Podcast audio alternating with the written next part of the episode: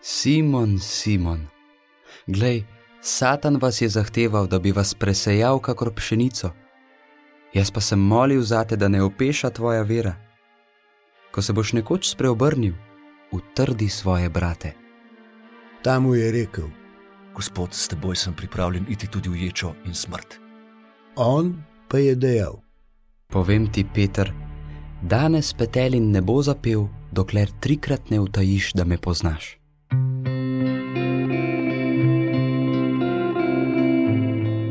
Naša vera je res tako lepa, da jo je ne mogoče zaobjeti. Danes se srečujemo z Jezusom, ki moli za svojega učenca Petra. Ve, da ga čaka preizkušnja, ki mu jo tudi napove. In zagotovi mu, da v tej preizkušnji ne bo sam, ko mu reče: Jaz pa sem molil zate, da ne opeša tvoja vera. Kaj ti vera se utrjuje skozi preizkušnje. Ko si v stiski, namreč iščeš Boga, na katerega se lahko zaneseš.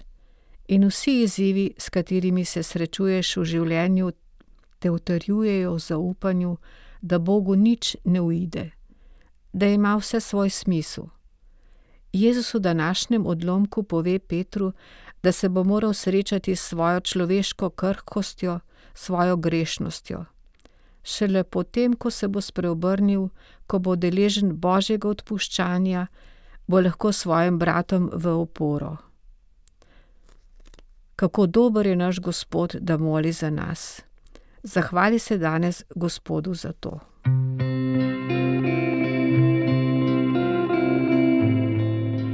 Simon, Simon, glej, Satan vas je zahteval, da bi vas presejal kakor pšenico.